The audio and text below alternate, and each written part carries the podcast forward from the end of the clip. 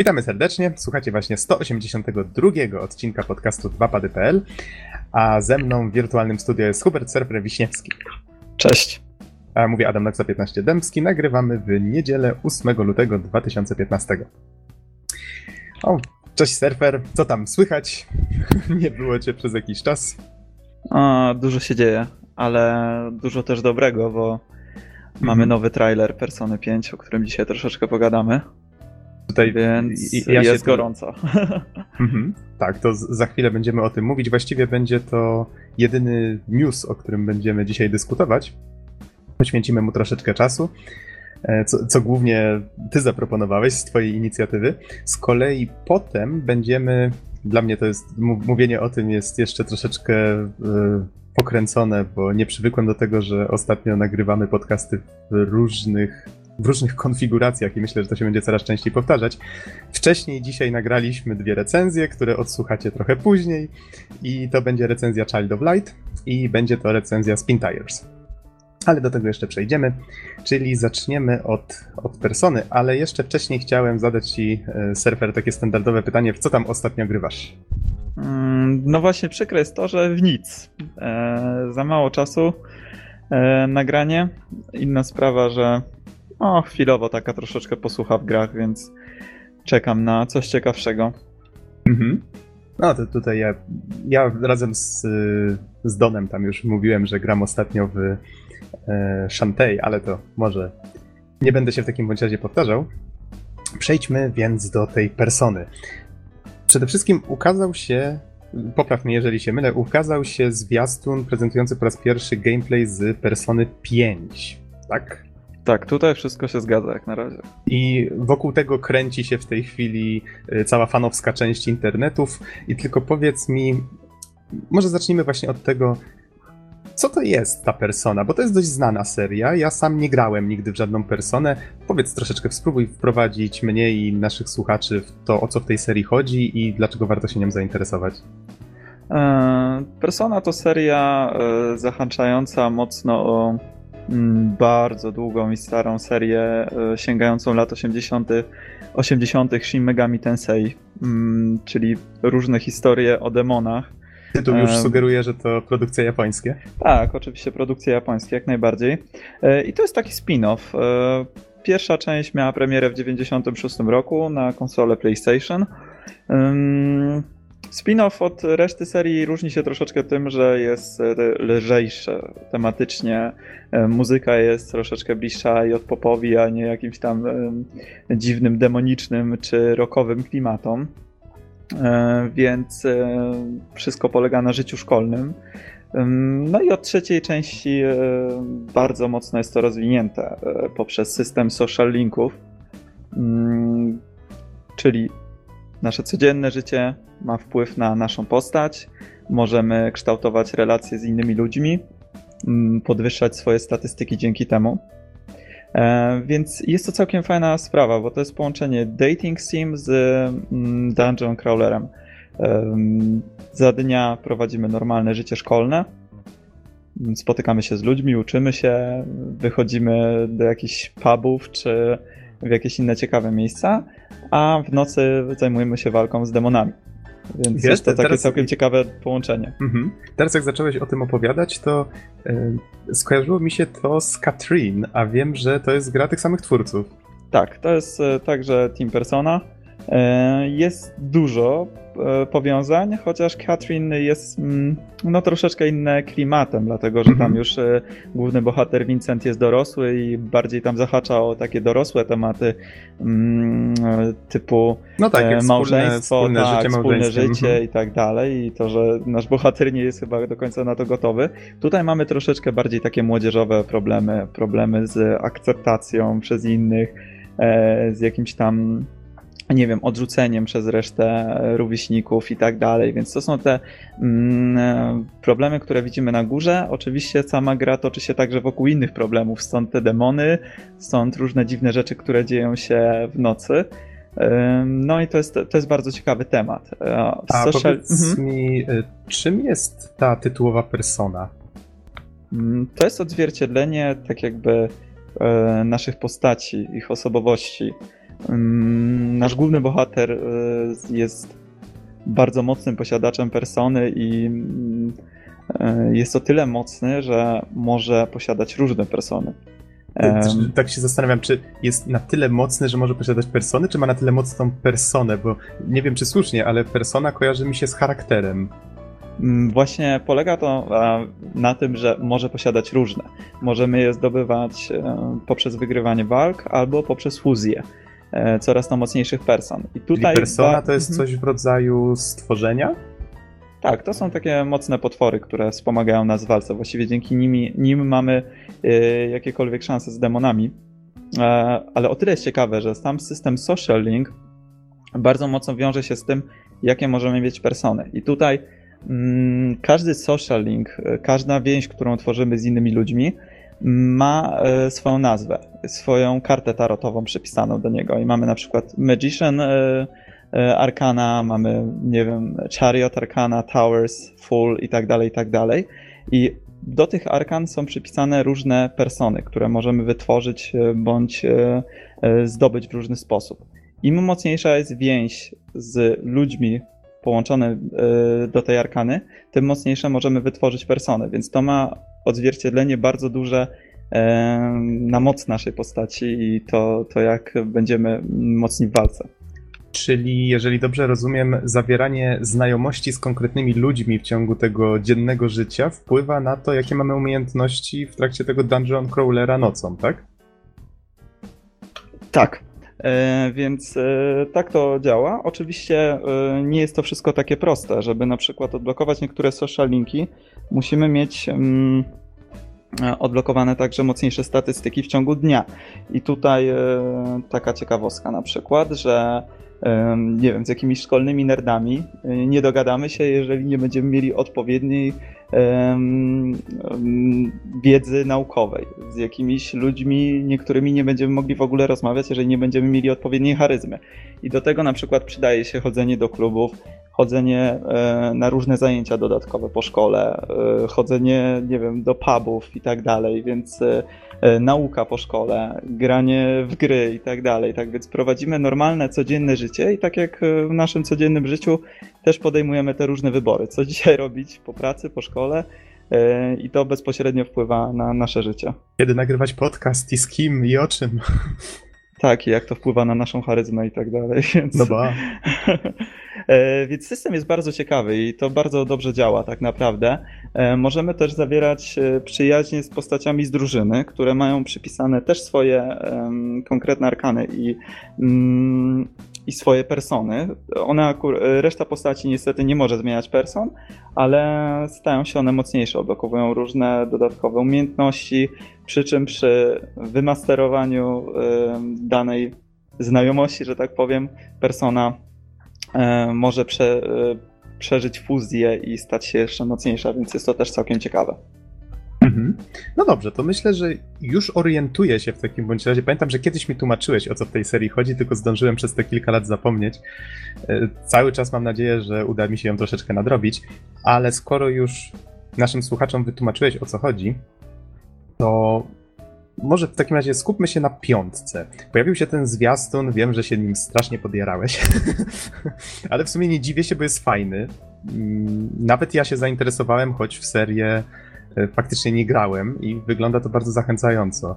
To może opowiedz nam trochę o tym zwiastunie, co tam ciekawego pokazali, co można z niego wywnioskować właśnie na temat piątki. No, właśnie wywnioskować to można naprawdę dużo, zależy to wszystko od naszej interpretacji. Ale to, co widzimy na pewno, to że bohaterowie nie są już tak do końca dobrymi bohaterami. E, widzimy ich w różnych takich troszeczkę dziwnych sytuacjach. Wygląda na to, że e, nasza ekipa to banda złodziejaszków. Widać nawet w jednej ze scen, że planują jakiś napad. E, na samym początku główny bohater zostaje prawdopodobnie przyłapany przez kogoś E, zresztą sam twórca serii opowiadał o tym, że mm, to już nie wszystko będzie tak do końca jednoznaczne. Nie mamy do czynienia e, z super dobrymi bohaterami, e, że oni też mają troszeczkę takie mm, e, buntownicze podejście do życia, trochę chcą się wyrwać z tych więzów społecznych i z tego, co im nakazuje społeczeństwo. Chcą być te, takimi młodymi i gniewnymi. Mhm. Nawet to, na co ci zwróciłem uwagę przed podcastem, że um, tabliczki ze statystykami, obrazki ze staty statystykami w czasie walki to są makshoty, czyli um, takie zdjęcia robione na komendzie przed przesłuchaniem osób podejrzanych, więc e, brzmi to bardzo ciekawie, szczególnie, że w poprzednich dwóch częściach no, mieliśmy do czynienia jednak z e, typowo dobrymi bohaterami. Oni mieli swoje różne rozterki, mieli swoje problemy, czasami też na natury moralnej, ale generalnie można było jednoznacznie powiedzieć, że to są dobrzy ludzie. Tutaj już nie do końca tak to wygląda, więc jest to Chociaż... naprawdę ciekawe. Chociaż powiem ci, że oglądając miałem wrażenie, że te postacie zostały zaprezentowane tak beztrosko, że one faktycznie dobrze się czują w tym, e, w tym swoim e, zbrodniczym procederze, to brzmi tak sztywnie. E, no wiesz, bohater się uśmiecha, co nie, zawadiacko, ma tą maskę, tam przelatuje przez okno czy coś. No, tak, to wszystko jest taka te... przygoda. Tak, to jest właśnie bardzo duży kontrast e, z tym pierwszym teaserem, gdzie widzieliśmy głównego bohatera jako takiego nieśmiałego chłopca w okularach z roztrzepaną fryzurą, który wydawał się, że będzie typowym, nudnym protagonistą, a tu nagle widzimy go w masce, w jakimś czarnym płaszczu, e, w stroju złodzieja, Skojarzyło mi się to z... jakiegoś... Skojarzyło mhm. mi się to, przepraszam, że ci przerwę, z anime Darker Than Black, tylko że bohater się uśmiecha. E, więc e, to wygląda naprawdę ciekawie, to, to zapowiada się fajnie. Może być zdecydowanie bardziej mrocznie, a odnośnie tej dobrej zabawy, o której mówi, że oni tak beztrosko e, się zachowują, tu troszeczkę widzę, spotkałem się z taką teorią fanowską, że te postacie być może dostały moc person przypadkowo i one niekoniecznie wykorzystują ją na początku do dobrych celów. To jak być może wiesz, e, beztrosko bawią się, nie patrząc na żadne e, konsekwencje swoich działań.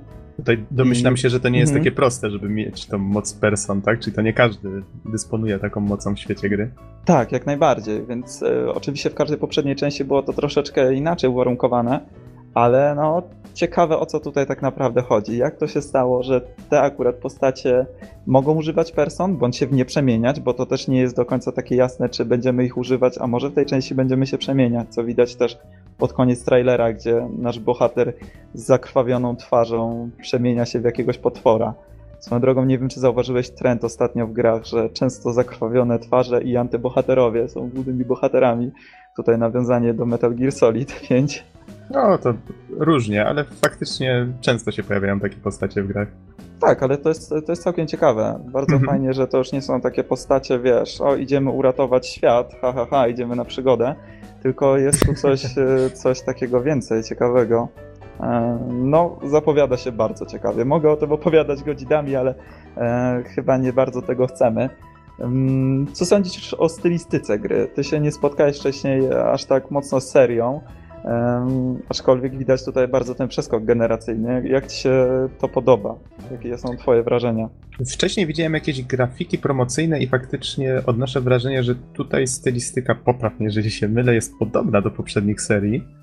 E, ale gdybym miał tak oceniać po samym zwiastunie, to jest bardzo fajnie. Jest dużo kolorów, dużo zwariowanych ujęć.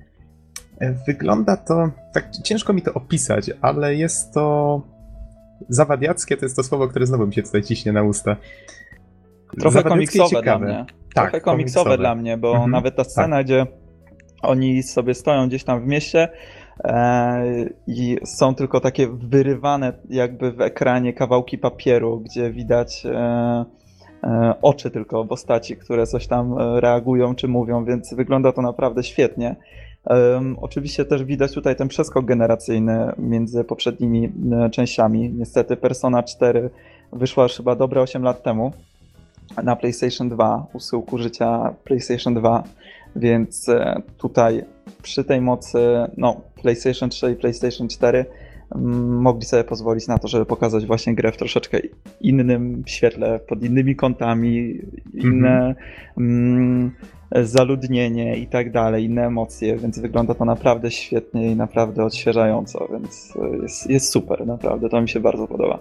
A skoro już poruszyłeś temat y, konsol i platform, to powiedz mi, czy piątka wychodzi na PS3 i PS4 tylko, tak? Zgadza się. E, a z kolei poprzednie części na jakie konsole wychodziły? Wspominałeś już o pierwszym PlayStation i o dwójce, czyli to same konsole Sony? E, główne części tak. Na przykład niedawno wyszła Persona Q, Q e, która jest troszeczkę takim spin-offem. Takim nawet fanfiction bym powiedział, bo łączy ze sobą historię trójki i czwórki i bohaterów, ale nie jest to chyba nic kanonicznego. Mm, do tego jeszcze wyszła Persona 4 Arena, ale to też e, chyba na Xboxa 360 i PS3. E, tutaj nie dopowiedziałeś, ale kurs mhm. z tego co pamiętam to był 3DS, e, tak? Tak, to 3DS, tak. I i prawdopodobnie Persona 4 Arena, która wyszła na um, Xboxa, z tego co pamiętam także. Ale generalnie wszystkie te główne części były na konsolach Sony. To znaczy pierwsza i dwie części drugie, bo część druga jest połączona na dwie oddzielne gry, e, były na PlayStation 1, a Persona 3 i 4 były na PlayStation 2 e, z czego jeszcze była taka troszeczkę ulepszona reedycja e, Persona 4 Golden na PlayStation Vita. A wyszło coś może na PSP, bo tak sobie przypominam. Tak, jeszcze e, e, Persona 3 Portable, e, ona wyszła także na PSP. I, I to była po prostu, to był port trójki? Mm, to był port trójki, ale taki troszeczkę dziwny. Z jednej strony o tyle fajny, że mieliśmy do wyboru bohatera i bohaterkę, co troszeczkę wpływało też na rozgrywkę i na różne, różne social linki, troszeczkę muzyka była inna, inne menu i tak dalej. E, ale z drugiej strony mm, gra była mocno uproszczona. Nie mieliśmy już takich ładnych animacji, było bardzo wiele e, takich sztywnych, statycznych grafik zamiast tego, po, której, po, po, których poruszaliśmy się kursorem, więc e, gra była dosyć mocno uproszczona pod pewnymi względami, ale nadal bardzo wartościowa i, i fajna, więc tak naprawdę to też jest w porządku. Wyszła jeszcze później Persona 3 Fest na PlayStation 2, E, która miała dodatkowy rozdział nazywający się The Answer, e, opowiadająca dalszą historię trójki, ale tutaj nie zagłębiałem się w nią aż tak mocno. Mhm.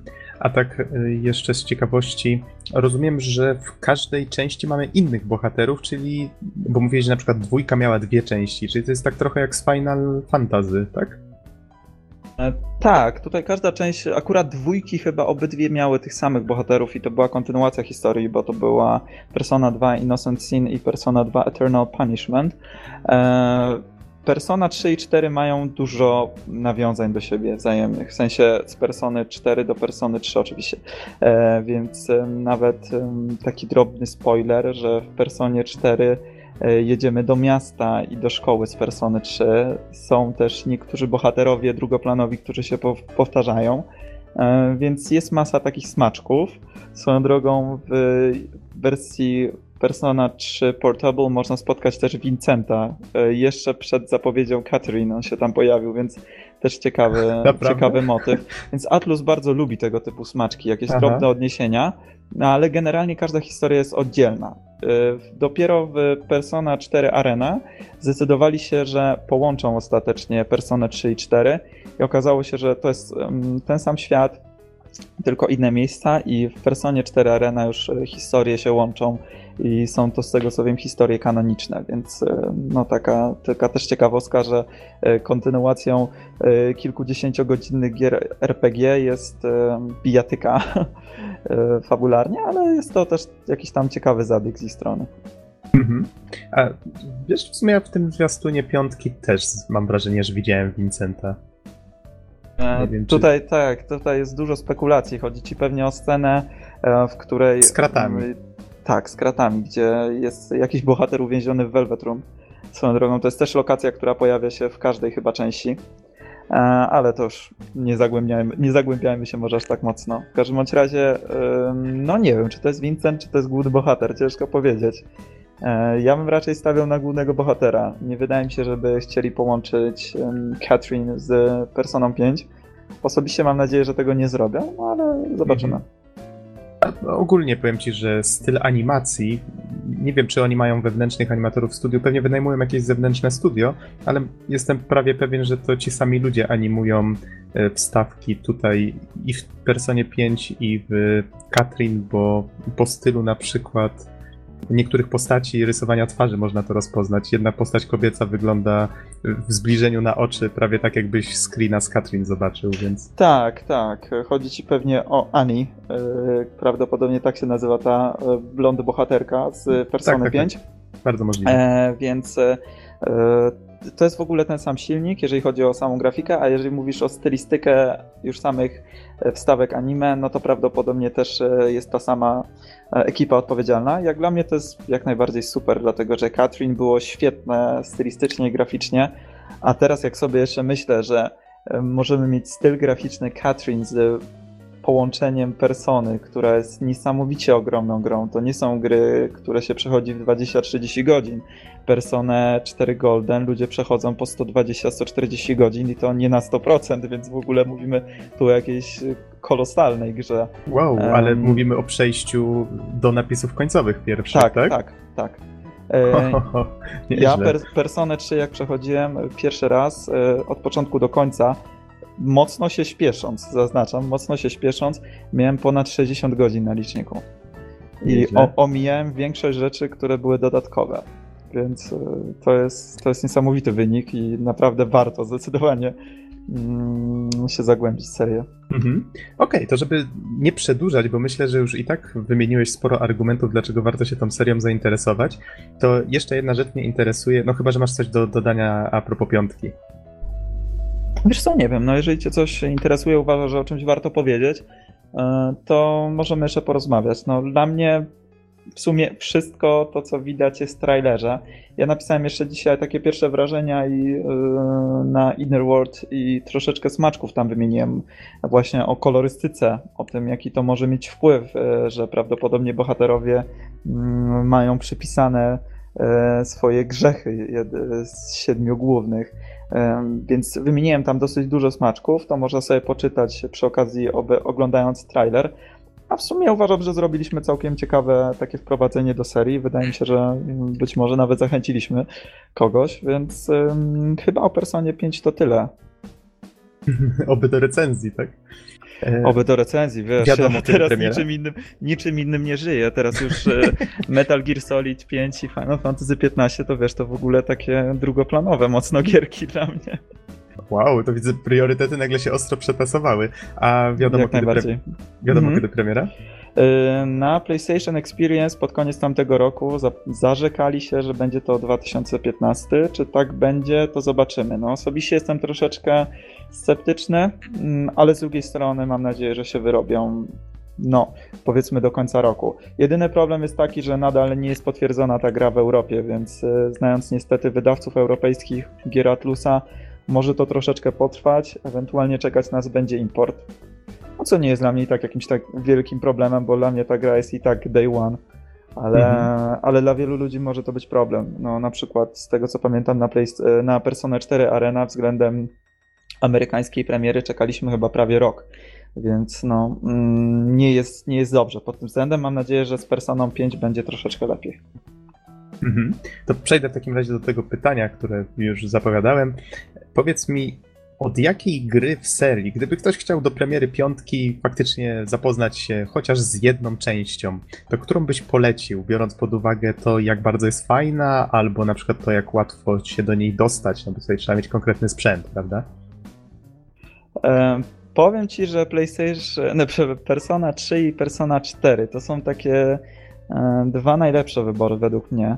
Persona 3 może troszeczkę być gorsza dla ludzi mniej wytrwałych, bo tam niestety e, ten element dungeon crawlingu jest mm, no taki czasami dosyć monotonny e, i troszeczkę też mam wrażenie, że fabuła się rozwija wolniej, ale zdecydowanie warto. No i Persona 4, która jest dostępna chociażby na PlayStation Vita czy na PlayStation 2 E, też jest jak najbardziej dobrym wyborem, więc uważam, że spokojnie można zacząć od którejkolwiek z tych gier. E, grając Personę czwórkę bez grania w trójkę nie straci się zbyt wiele, odwrotnie także, więc e, wydaje mi się, że tutaj nie można się pomylić, jeżeli o to chodzi. No muszę niestety mm, ostrzec, że troszeczkę tego mm, farmienia i e, takiej monotonii związanej z dungeon crawlingiem niestety jest w serii, ale też e, uważam, że ta gra e, seria rekompensuje mocno innymi aspektami, no, chociażby fabułą, która no, w niektórych momentach, szczególnie w trzeciej części, powala po prostu majstersztykiem, więc zdecydowanie warto. Mhm. Okej, okay, w takim razie dziękuję Ci bardzo za komentarz, bo e, niestety nie nagrywałeś z nami dzisiaj rano recenzji, więc tutaj już się pożegnamy. Z kolei naszych słuchaczy zapraszamy na recenzję Child of Light i potem na recenzję Spin Tires. To w takim razie na razie, serwer, trzymaj no, się. No, dzięki, cześć, trzymajcie się. A naszych słuchaczy zapraszamy na recenzję.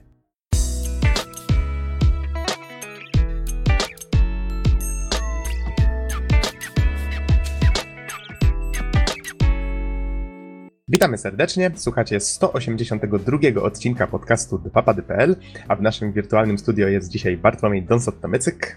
Halo, halo. A mówi Adam Noxa 15 Dębski. Nagrywamy z kolei w niedzielę 8 lutego 2015. Witam cię, Don, znowu, jak to żeś ujął przed chwilą, e, dwaj samotni jeźdźcy, tak, na posterunku. Tak, jak dwóch jeźdźców apokalipsy. Bra, zabrakło nam gdzieś tych dwóch kolejnych. Jeszcze, jeżeli wszystko pójdzie zgodnie z planem, w tym odcinku dołączy do nas e, Hubert Surfer Wiśniewski. Albo już dołączył, tutaj zobaczymy, będziemy składać w jakiejś kolejności te, te materiały, które będziemy nagrywali. W każdym razie główne tematy tego podcastu to będą dwie recenzje i będzie to recenzja Child of Light i recenzja Spin Tires. Myślę, że zaczniemy najpierw od Child of Light, ale jeszcze nim do tego przejdziemy, to zadajmy to nasze standardowe pytanie, czyli Don, w co tam ostatnio grałeś? E, co ja tam ostatnio grałem? Właściwie w moim przypadku pytanie brzmiało, brzmiałoby, co, osta co ostatnio kupiłem.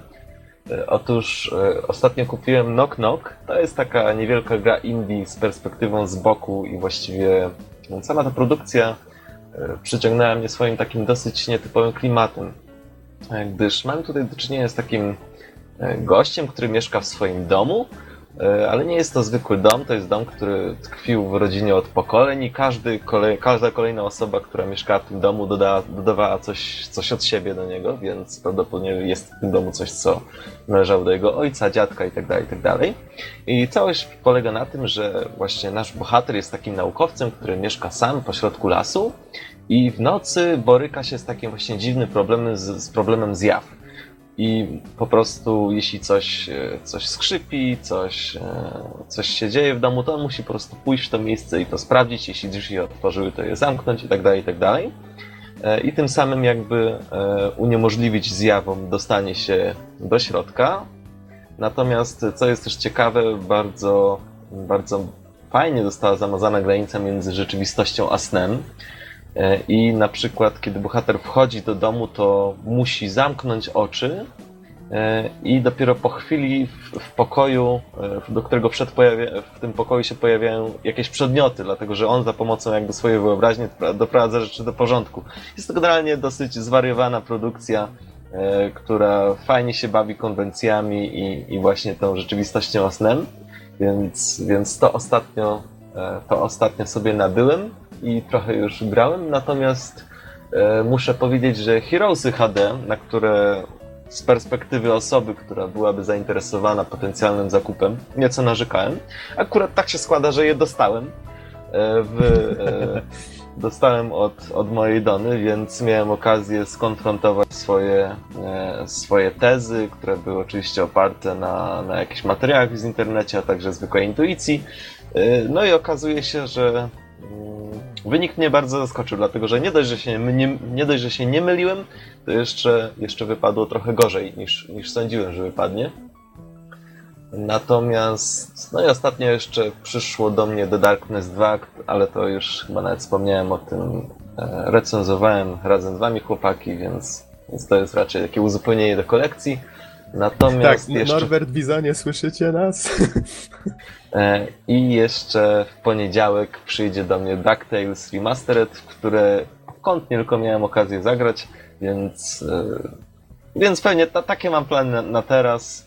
E, no i oczywiście cała lista wstydu, która, która jeszcze zalega mi na dysku, a którą też, też mam do zrobienia. Być może nie każdy z naszych słuchaczy wie, ale Don jest kolekcjonerem, czyli nawet jeżeli zagra w jakąś grę i bardzo mu się spodoba w wersji cyfrowej, to musi ją mieć na półce.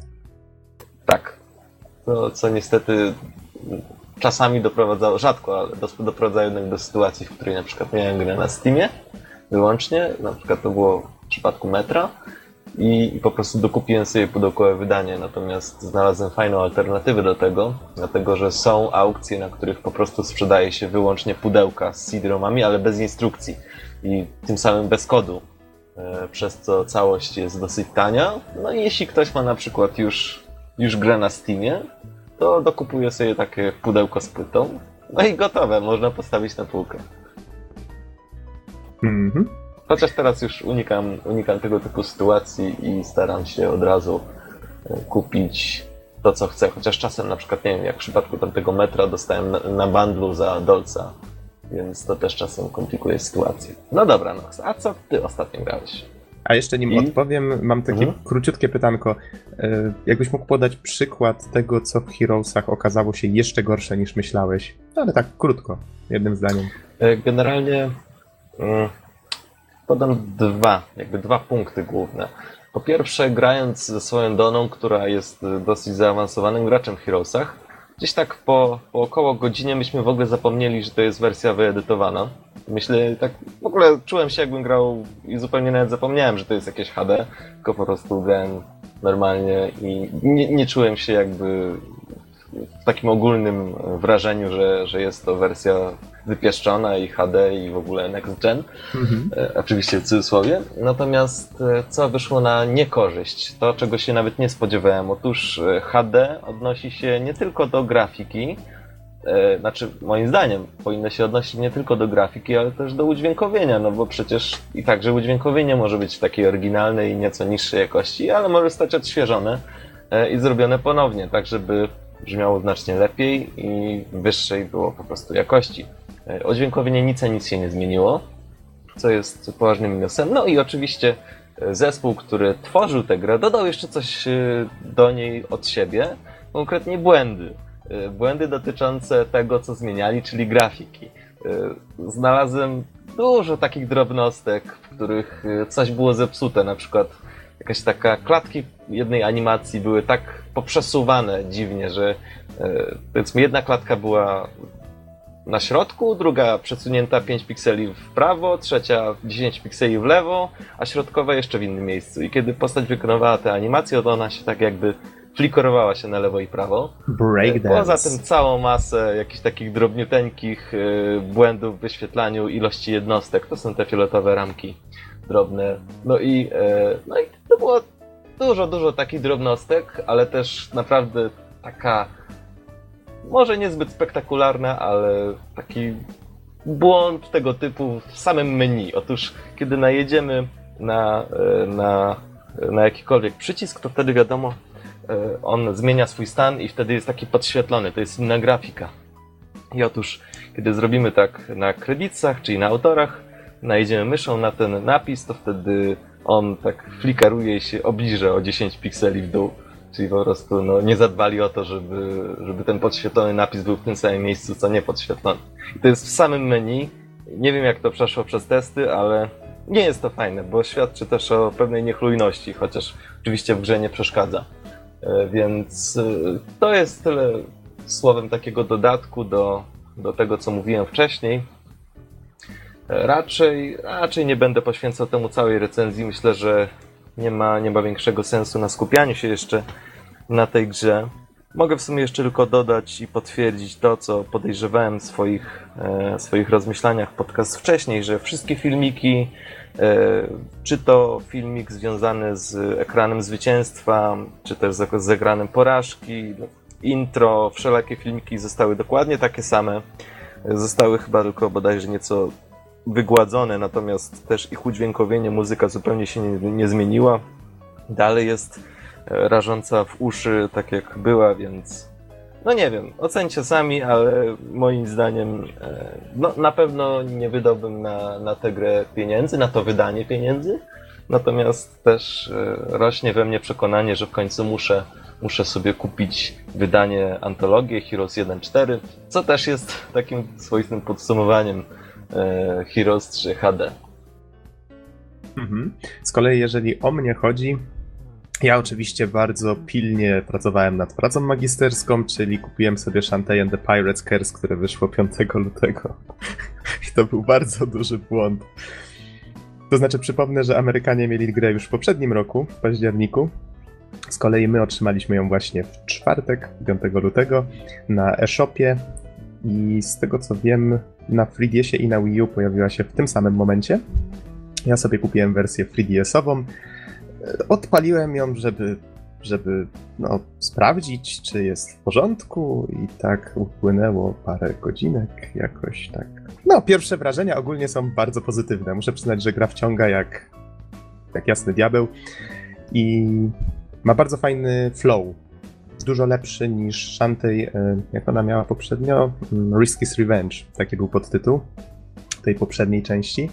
E, tu wydaje mi się, że twórcy dużo lepszy, dużo bardziej płynnie zaprojektowali to, mm, co robimy w grze, gdzie musimy się udać. Także bez przerwy mamy. Właściwie ciężko się oderwać od gry, ciągle dzieje się coś ciekawego. Na pewno będzie recenzja jeszcze na podcaście. Może nawet niedługo, bo gra nie wygląda wcale na jakoś szczególnie długą. Z tego, co tam gdzieś czytałem, coś około 10 godzin jest bodajże. Ja w tej chwili chyba grałem ze 3, może 4. E, gra jest bardzo fajna i mogę polecić, myślę, z czystym sumieniem. Na pewno będziecie się dobrze bawić, jeżeli lubicie platformówki, czy, czy takie Metroidvanie bardziej, mm, bardziej kierowane przez fabułę. O. Troszeczkę mniej na eksploracji się skupia, bardziej na fabule, ale i tak jest bardzo fajnie. Więc to tyle, jeżeli chodzi o to, w co ja grałem. I to wydaje... teraz jeszcze Gexen i Bizon.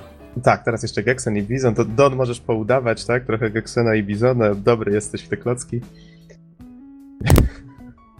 Dobrze, no to, to ja nic ostatnio za bardzo nie grałem. Generalnie to Hyrule Warriors dalej w tle. Myślisz, że Norbert ciągle gra w Hyrule Warriors?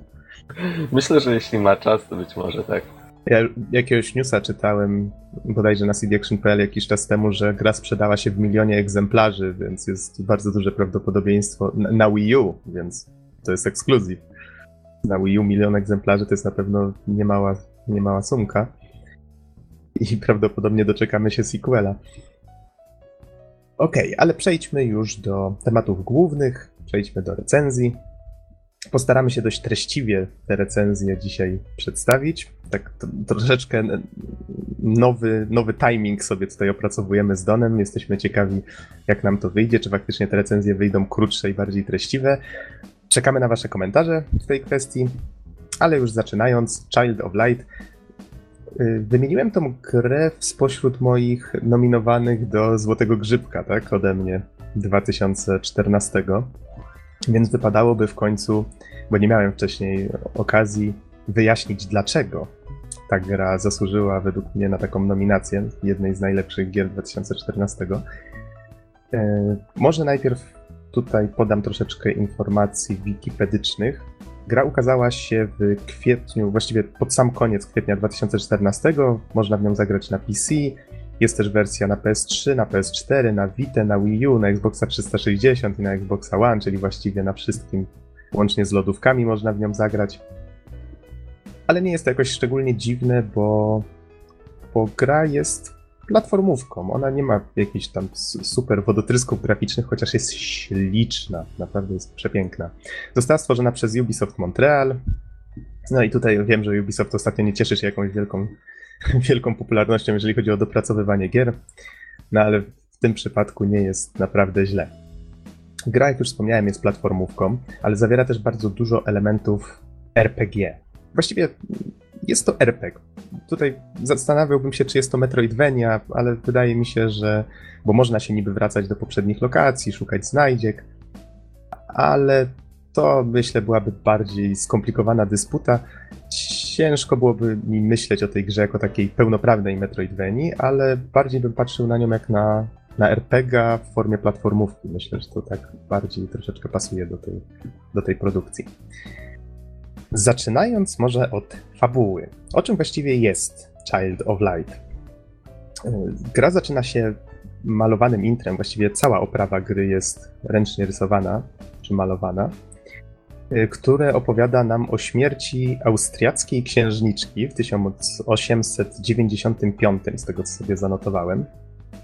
I no, jej ojciec rozpacza po jej śmierci, jest ogólnie smutno i, i przygnębiająco, ale jak mówi narratorka, dawno, dawno temu księżniczka, która nazywała się właśnie Aurora, nie tyle zginęła, co obudziła się w pięknej krainie, która się nazywa Lemuria. No i my właśnie Aurorę, Aurora jest bohaterką gry, więc to my właśnie będziemy kierować jej poczynianiami. I w tej tajemniczej krainie, do której trafia, poznamy świetlika, który się nazywa Igniculus i on będzie nam towarzyszył przez, przez całą przygodę. Jest to o tyle fajne, że kierujemy właściwie dwoma postaciami jednocześnie. Czyli jeżeli gramy na padzie, to jedną gałką kierujemy właśnie Aurorą, drugą gałką e, poruszamy po ekranie Igniculusem. Dlaczego tak jest, to, to jeszcze wyjaśnię. E, jeżeli gramy na mm, klawiaturze i myszce, a można się przełączać między tymi kontrolerami w dowolnym momencie, to jest też bardzo fajne, to myszką wtedy można kierować Igniculusem i nawet gra zachęca do tego, żeby drugi gracz na przykład kierował tym świetlikiem, albo ktoś, kto posiada drugiego pada więc można w grę grać też w dwie osoby, jak się chce. E, szybko okazuje się, że księżniczka, no, jej głównym celem jest przede wszystkim powrót do domu. Jest w jakimś nieznanym miejscu, nie wie jak tutaj trafiła, ale jak to zwykle bywa, okazuje się, że ciąży na niej ważne zadanie, jest właśnie dzieckiem światła. Nie do końca wiadomo początkowo, co to znaczy i że musi przywrócić tej krainie e, gwiazdy, księżyc i słońce, które zostały mm, skradzione właściwie przez mroczną królową Umbrę. Nie, nie, o tych dwóch, co ukradli księżyc. Albo przez Rozkręcili tych... interes, na to wygląda. tak, teraz poszli o krok dalej. Musimy w każdym razie odzyskać ciała niebieskie. I jak już zapewne widzicie, to wszystko jest jedna wielka bajka, czyli nie ma tu jakichś wielkich wymysłów fabularnych, cudów, Bóg wie czego. Mamy tutaj za to prostą, ale pięknie pokazaną historię, która przywodzi na myśl właśnie te bajki czytane nam przez rodziców dawno, dawno temu do poduszki. Pod tym względem właśnie Child of Light sprawdza się wyśmienicie. Nawet dialogi między postaciami są pisane wierszem. Nie ma tutaj voiceoveru, nikt nic nie mówi na głos. Mm, są wyraźne napisy pokolorowane zawsze tak, żeby było wiadomo, który kolor, każda postać ma własny kolor, więc żeby było wiadomo, która postać co mówi. I wszystko jest pisane wierszem, więc to tym bardziej pogłębia to, to wrażenie. No i tutaj niestety ten problem jest to po angielsku, więc to, to dla niektórych może może być sporym problemem. E, mnie się bardzo skojarzyła ta historia z Alicją w Krainie Czarów. Głównie dlatego, że spotykamy po drodze kolejne postacie, na przykład różne dziwne indywidua, jak, kobieta błazen, czy czarodziej tchórz. Jest też myśli łucznik, który no, jest właściwie centusiem, ciągle myśli o pieniądzach, ale też, też jest jakaś mysia panna, której chce się przypodobać i dlatego wyrusza na przygodę, żeby, żeby mieć się czym pochwalić i tak dalej, i tak dalej. Tych postaci jest całkiem sporo, każda z nich ma inne umiejętności. I jeżeli miałbym podsumować jakoś całą tą historię, to jest to właściwie taka historia o przyjaźni, dorastaniu i, i myślę, że też w dużej mierze o odpowiedzialności. Tutaj głównie chodzi o to, że jakby na to nie patrzeć, Aurora jest księżniczką i, i to nie jest bez znaczenia w tej, w tej historii. Z kolei tak patrz, bardziej patrząc na gameplay, e, znajdziemy tutaj też questy poboczne, które zmuszą nas do tego, żeby troszeczkę się wrócić. Gra ma system szybkiej podróży, czyli wystarczy, że na mapie wybierzemy sobie lokację, w której już byliśmy i momentalnie tam trafiamy. Nie ma jakiegoś uciążliwego backtrackingu. E, te questy poboczne Czasami mają jakąś tam historyjkę ze sobą związaną. Z reguły to polega na znalezieniu gdzieś indziej jakiegoś przedmiotu, jakiejś osoby. Na przykład jedna postać prosi nas o to, żebyśmy znaleźli jej latającą świnkę w jednym e, w jednej lokacji, ale się okazuje, że ta lokacja jest pełna latających świnek, więc szukamy takiej, która jest odpowiednio oznakowana. I, i pomaga nam w tym Igniculus, który oświetla e, otoczenie i właśnie też mm, sprawia, że ten tatuaż na tej śwince jest widoczny czy znajdujemy też w niektórych miejscach kartki z backstory, z jakąś taką historyjką, która kiedyś tam się wydarzyła w tej krainie i to też w sumie bardzo fajnie tak pogłębia, pogłębia całą tą historię. Jeżeli chodzi o gameplay, e, to już wspominałem, że gra jest platformówką. Widzimy akcję od boku. Powstała na silniku Rayman, e, tych nowych Raymanów. Rayman Legends, tak, i Rayman Origins. E, I muszę przyznać, że ten silnik świetnie się tutaj sprawdza. Wszystko wygląda i działa bardzo sprawnie i fajnie. Jeżeli miałbym wybrać z kolei grę, z którą mi się skojarzyła, e, skojarzyło Child of Light, to zdecydowanie byłaby to Aquaria, którą już no dawno, dawno temu na podcaście recenzowałem. Tam żeśmy się poruszali w głębinach oceanu, tutaj, e, tutaj natomiast fruwamy. O tym nie wspomniałem jeszcze, ale bardzo szybko w grze e, Aurora zdobywa skrzydła i może się poruszać latając. I po wszystkich lokacjach poruszamy się właśnie w ten sposób. Możemy pofrunąć gdzieś pod chmury albo wlecieć w, w głębiny jakichś jaskiń, ale niemniej zawsze się poruszamy latając. Jest to bardzo fajne i dodaje trochę głębi, więc nie jest to taka typowa platformówka, gdzie biegamy, skaczemy, tylko poruszamy się właśnie bardziej płynnie. Czyli mamy w sumie dwie latające postacie na ekranie. Same krainy są dość różnorodne. Zbudowane są w ten sposób, że raczej ciężko się w nich zgubić pod tym względem, że zawsze jest jakiś jeden kierunek, w którym mamy się udać. Czyli na przykład wiemy, że, że powinniśmy iść w prawo, więc jeżeli będziemy iść ciągle w prawo, to dojdziemy tam, gdzie chcemy, ale jeżeli zachce nam się gdzieś tam fruwać po okolicy, to znajdziemy jakieś odnogi, w których będą różne skarby w skrzyniach, jacyś poboczni bossowie, E, w tych skrzyniach na przykład znajdziemy ulepszenia do statystyk naszych postaci, przedmioty leczące, czy takie, które możemy wykorzystywać w trakcie walki. Z kolei sama walka jest rozwiązana w stylu e, japońskich RPGów, czyli mamy arenę osobną. Najpierw widzimy, że przeciwnik porusza się po mapie. Możemy po prostu do niego podlecieć, walka się zaczyna, możemy podlecieć go od tyłu, tak żeby nas nie zauważył, wtedy mamy pierwszą turę. I na tych arenach nie będę może się tu wdawał dokładnie w cały system, jak działa, ale najważniejsze w nim jest to, że na dole mamy linię czasu. I każda postać, czy to przeciwnik, czy, czy osoba z naszej drużyny, y, porusza się po tej linii czasu ikonka tej postaci i jeżeli dotrze do czerwonego pola, które jest na samym końcu tej linii, to wtedy możemy wybrać atak, który chcemy e, wykorzystać. Ten atak zajmuje konkretną ilość czasu, czyli na przykład trwa bardzo długo do wykonania albo bardzo krótko. I ta postać musi jeszcze dotrzeć do końca tego czerwonego pola w z szybkością, która jest zależna od tego, co chcemy zrobić. I to jest ten kluczowy moment. Jeżeli w tym momencie przeciwnik nas uderzy, tą postać, to wtedy ona przerywa ten atak i się cofa prawie na początek tej, E, tej linii czasu. Czyli i to samo dotyczy przeciwników, czyli jeżeli przeciwnik już stosuje jakiś super silny atak, my w tym momencie musimy na przykład użyć czegoś bardzo szybkiego, żeby go trafić, żeby go cofnąć na tej linii.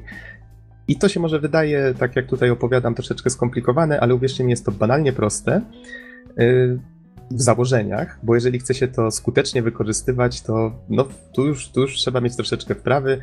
Niemniej system wydał mi się bardzo ciekawy prosty, ale bardzo satysfakcjonujący. Y, dodano tutaj jeszcze kilka takich rzeczy, na przykład, że możemy latać tym ignikulusem w trakcie walki i wykorzystywać światło tego świetlika, żeby spowalniać przeciwników. Znaczy, jednego przeciwnika możemy spowolnić, możemy tym samym światłem leczyć kogoś z naszych, więc jest to też taki, taki fajny dodatek. Odpowiednio na ekranie w danym momencie znajdują się tylko dwie nasze postacie, ale możemy w każdej chwili y, zmienić je na inne z drużyny dobierać je w zależności od sytuacji, bo każda z nich ma inne umiejętności, inne drzewko rozwoju. Na przykład jedna jest dobra w debuffach, inna w buffach, mm, albo zadaje powiedzmy obrażenia magiczne, przeciwnicy mają różne odporności i tak dalej, i tak i tym podobne. Czyli takie już rzeczy, które raczej są znane z tego typu gier, ale tu zostały wykonane całkiem, całkiem fajnie i satysfakcjonująco. No i każdy nowy przeciwnik to oczywiście szukanie jakichś kolejnych słabych punktów, czyli tutaj szukamy strategii na, na nowych przeciwników czy tam spotykamy jakieś gryfy, golemy, trole, czy, czy inne takie mitologiczne stworzenia. Jeżeli e, jeszcze miałbym coś o mechanice wspomnieć, mówiłem, że jest rozwój postaci. Postacie levelują właściwie jak szalone, do tego stopnia, że jest to strasznie satysfakcjonujące. Po pierwsza walka, o, level. Druga walka, o, kolejny level. Tak, jeszcze jeden i następny. Właściwie rzadko się chyba zdarzało, żeby jakaś walka kończyła się brakiem levelu u którejkolwiek postaci w drużynie. E, jest tu też fajny system craftingu, czy właściwie tworzenia kryształów Działa to na tej zasadzie, że czy to w skrzyniach, czy przeciwnicy wypuszczają y, kryształy, które mają różne kolory, i my następnie możemy łączyć te kolory ze sobą. Jeżeli połączymy najmniejszy kryształek, na przykład czerwony z y, powiedzmy trzy maluteńkie czerwone połączymy, to dostajemy większy czerwony. Tak samo z niebieskimi i zielonymi. Możemy też mieszać te kolory, powstają różne inne. I to jest znowu kolejna rzecz, która jest bardzo prosta w założeniach, ale sprawia, że nieraz spędzimy kilka minut na przykład łącząc ze sobą te kryształki, tworząc coraz większe i coraz większe i tak zastanawiając się, co one będą nam dawać, bo możemy je przypisać każdej postaci w trzech różnych miejscach. To może być albo do ataku, albo bodajże do obrony i chyba jeszcze jakaś, jakaś trzecia pasywna była e, umiejętność.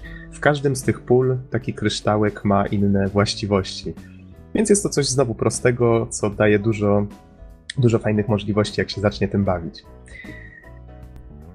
E, z kolei myślę, że tutaj już więcej na temat samego gameplayu nie ma, co, nie ma się co rozwodzić. Mówiłem o oprawie, że jest piękna. Wspominałem o tym, że jest ręcznie malowana, ale nie opisywałem jeszcze muzyki, a to jest. Wiesz co, może no. ja jeszcze wtrąciłbym się na moment. Aha, masz pytania? E, właściwie takie spostrzeżenie. Widzę, że z oprawy chyba jedną z najbardziej takich zapadających w pamięć e, elementów, nawet po, po takim dosyć ogólnym i szybkim przejrzeniu, to animacja włosów, które właśnie tak mhm. świetnie zawsze falują, e, jakby, jakby właśnie były w wodzie i sukni bohaterki. Bardzo fajnie to wygląda i pytanie brzmi, czy jeszcze jakaś postać jest, e, ma takie elementy właśnie ubrania czy, czy fryzury, które, które są tak spektakularne. Hmm. To jest dla mnie o tyle ciężkie pytanie, że ja niestety tę grę kończyłem, już nie pamiętam czy w styczniu, czy w grudniu, więc trochę czasu minęło. Starałem sobie odświeżyć informacje, ale nie jestem w stanie chyba ci teraz odpowiedzieć tak dokładnie. E, w każdym razie Aurora jest i Nikulus to są jedyne postacie z naszej drużyny, które widzimy e, poruszając się po mapie, eksplorując. Z kolei pozostałe postacie widzimy w trakcie walki. E, widać ich, widać ich rysunki w momencie, jak rozmawiają ze sobą. Mhm. Ale hmm, tak odpowiadając na Twoje pytanie, wydaje mi się, że sam ten fakt sprawia, że ciężko wychwycić te animacje, bo głównie to są animacje już w trakcie walki, na przykład jak postać oberwie albo jak atakuje, więc nie, nie, nie zwracają na siebie aż tak dużej uwagi. Chociaż jedną zapamiętałem, bo wydała mi się dość, dość słodka w pewnym sensie, jak nasza główna bohaterka zostaną jej zadane obrażenia, wtedy spada jej korona z głowy. Widać, że ona tak się cofa, jakby, jakby dostała czymś ciężkim. Korona spada jej z głowy, ale miecz, oczywiście na początku gry zdobywamy też miecz, o tym nie powiedziałem. Wyjmujemy go oczywiście ze skały, jak to w bajkach przystało. I, I, bohaterka tak szybko dochodzi do siebie, bierze tą koronę z, z ziemi, zakłada ją na głowę i znowu jest gotowa do akcji. Jak tylko to zobaczyłem, to stwierdziłem, że wow, ta jedna animacja pokazała mi właśnie, jak ta bohaterka jest pełna determinacji. To, to było fajne, podobało mi się to. Więc do tego typu detale zapadły mi w pamięć. I jeszcze jedno pytanko mam, mhm. które właściwie trochę wiąże się też pośrednio z fabułą, ale czy bohaterka czasem nie dorasta w trakcie swojej podróży? Wiem, że zwiastun spoiluje ten malutki, tą malutką niespodziankę, ale tak, postać się troszeczkę zmienia. Ale myślę, że nie będę tutaj wchodził w detale. Mhm. E, z kolei e, jeszcze tutaj sobie zanotowałem, jeżeli chodzi o różne takie szczegóły związane z grafiką, twórcy na przykład zadbali o to, żeby niektóre elementy otoczenia reagowały na ten nasz lot, czyli jesteśmy w pomieszczeniu, gdzie ktoś siedzi na przykład za ladą, coś tam robi, a my fruwamy sobie pod sufitem i ruszamy garnkami, które są zawieszone tam. Więc są takie różne fajne, fajne szczególiki. Y, przeszedłem do muzyki i chciałem tylko powiedzieć, że to jest chyba jeden z fajniejszych soundtracków, jaki słyszałem od, od, no, od bardzo dawna. Na pewno ma jeden z lepszych battle filmów, czy tych motywów bitewnych y, w JRPG-ach czy RPG-ach, y, no, od bardzo dawna. Naprawdę zapada w pamięć cały, cały soundtrack. Nawet jeżeli nie planujecie grać w tę grę, to przesłuchajcie sobie chociaż soundtrack w całości. Jest przepiękny. Sprawia, że gra jest taka relaksująca. Poziom trudności zresztą też sprawia, że ona nie jest jakoś szczególnie uciążliwa. Właściwie są dwa poziomy trudności, z tego co pamiętam. Jest właśnie taki casualowy i jest bardziej hardkorowy. Ten hardkorowy pod koniec gry faktycznie już miejscami sprawiał mi drobne problemy, albo przy zmianach lokacji, kiedy nagle jest taki skok e, w poziomie trudności przeciwników. Niemniej ogólnie grało mi się bardzo przyjemnie. Gra sprawiała problemy tylko wtedy, jeżeli na przykład e, źle, źle albo nie znalazłem w ogóle słabych punktów przeciwników i stosowałem złą strategię, bo jak się zaczyna stosować tą prawidłową, to nagle się okazuje, że walki stają się dużo prostsze. No i właściwie no tutaj nad muzyką mógłbym się długo rozwodzić, naprawdę jest cudowna i tworzy chyba połowę klimatu tej gry. E, jeżeli miałbym wymienić jakieś minusy, to tutaj dobrze dążę, wspomniałeś o włosach, bo przypomniałem sobie o jednym bugu. Mianowicie czasami te pięknie falujące włosy w trakcie walki potrafią zniknąć. Nie wiem, naprawdę nie wiem, dlaczego tego nie wychwycili, w jaki sposób przeszło to testy. E, bohaterka całe szczęście ma taką króciutką grzywkę mm, w tym samym kolorze na głowie, więc nagle wygląda tak, jakby ktoś ją na jeżyka obciął, ale i, i to nawet sprawia, że w pewnym, że dopiero po jakimś czasie się zorientowałem, że ten bug występuje. Ale tak, zdarza się, że walka się włącza i nie ma tych falujących wielkich włosów. E, z kolei tutaj już taki, takie minusy bardziej związane, myślę, z tym, jak gra była produkowana, mianowicie do niektórych postaci nie ma się zbytnio czasu przywiązać. I samo zakończenie gry sprawia wrażenie trochę zraszowanego. E, domyślam się, że to dlatego, że tam gdzieś czytałem, że planowano jeszcze jedną lokację, jakąś końcową, ale prawdopodobnie ktoś przyszedł i stwierdził, że nie, musimy to już wydać, więc czas kończyć. I dochodzi tutaj do takiej sytuacji, że na przykład dołącza do naszej drużyny nowa postać. Tych postaci jest dość sporo ogólnie rzecz biorąc. Y, historyjki niektórych są, są słabiej właśnie przez to niestety zagnieżdżone w fabule. Te, które na początku się spotyka, postacie faktycznie lepiej zapadają w pamięć, te kolejne już trochę gorzej. I no, no i pod koniec na przykład się okazuje, że na godzinę czy dwie przed końcem gry poznajemy jeszcze nową postać, o której już właściwie, która, o której bardzo szybko zapominamy, bo nie mamy nawet czasu zbytnio się z nią zapoznać. Więc mam wrażenie, że twórcy zbyt szybko tę grę ucięli. Dużo bardziej bym się ucieszył, gdyby wzięli, powiedzmy, zrezygnowali z czegoś, co w środku robili i bardziej się skupili na rozbudowaniu jakiejś takie, jakiegoś takiego epickiego zakończenia trochę mi tego zabrakło, bo to tak jakby okej, okay, okej, okay, mam wrażenie, że tu jeszcze coś w tej grze będzie, ale pach, okej, okay, ostatnia walka. Wow, trochę szybko, nie? I, I, kończymy. Więc to jest taka wielka skaza na naprawdę ślicznej i wspaniałej grze. Ona i tak okazała się dużo dłuższa niż myślałem, bo zajęła mi z tego co widziałem 18 godzin, tylko że trzeba pamiętać, że badałem każdy kąt, szukałem różnych znajdziek i, i innych tego typu rzeczy, co na tym poziomie trudności najwyższym faktycznie się przydało, bo i tak miałem problemy rozwijając postacie tak mocno, jak, jak byłem w stanie. Gra jest więc całkiem, całkiem spora. E, jest tu też New Game Plus, czyli jak przejdziecie, możecie wszystkie te kryształy, które żeście stworzyli, czy levele, które uzbieraliście, no właśnie nie pamiętam, czy level był resetowany, czy nie, ale można uruchomić grę jeszcze raz i rozwijać dalej to, co się miało wcześniej. Tylko, że wyczytałem w necie, że nie za bardzo jest po co to robić. Gra jakby nie nagradza tego już w żaden konkretny sposób. Ale jeżeli miałbym podsumować Child of Light, to zdecydowanie jest taka relaksująca zabawa e, w bajkowym świecie i dla osób właściwie w każdym wieku. No, o ile oczywiście są w stanie trzymać pada i grać, to, to historia jak najbardziej powinna się spodobać i młodszym, i, i starszym. jest bardzo pięknie opowiedziana, ładnie, ładnie to wszystko wygląda, pięknie brzmi, więc nawet jeżeli ktoś nie gra, tylko siedzi przy telewizorze, to, to na pewno też będzie się dobrze bawił. No i tak jak wspomniałem, takie małe arcydzieło, które przywodzi na myśl te czasy, kiedy rodzice czytali nam bajki, więc to dla mnie już samo w sobie jest dość wyjątkowe. Brakuje trochę takich gier. No cóż, Don, czy masz jakieś pytania do Child of Light? Właściwie to nie.